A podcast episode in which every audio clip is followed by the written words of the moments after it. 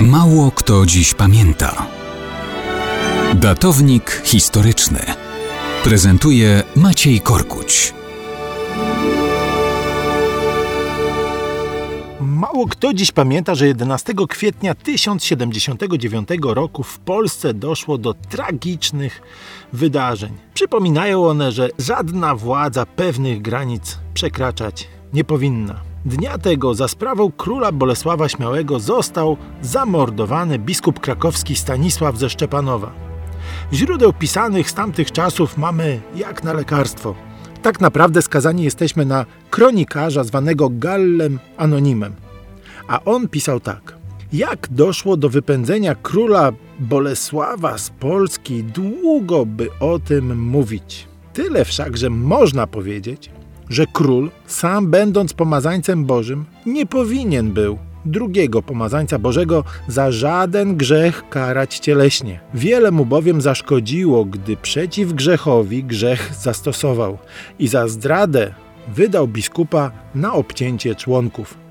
My zaś nie usprawiedliwiamy biskupa zdrajcy, ani nie zalecamy króla, który tak szpetnie dochodził swych praw kończył anonimowy kronikarz Gal. Oczywiście on posługiwał się pojęciem sprzed tysiąca lat. Łaciński termin traditor traditoris tłumaczymy jako zdrajca, ale to nie był czas państw narodowych z naszej epoki. Wówczas punktem odniesienia dla tego pojęcia był władca, w tym wypadku król. Wszelki bunt przeciw władcy, czyli Wszelkie zamachy na jego prawa lub prerogatywy określano zdradą. Każdy, kto buntował się przeciwko władcy, nawet jeśli źródłem buntu przeciw władcy były nadużycia króla lub niesprawiedliwość z jego strony, każdy, kto buntował się przeciwko niemu, był tym, który, jak pisze ten sam kronikarz Gal w innym miejscu, panom swym przyrodzonym nie dochowuje wiary.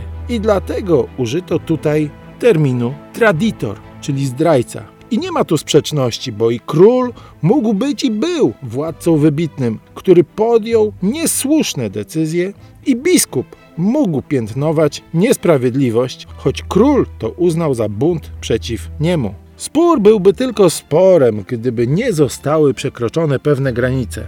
Ich przekroczenie zmiotło władzę króla i życie biskupa oraz zmieniło historię Polski. Może to i aktualna nauka również na wiek XXI?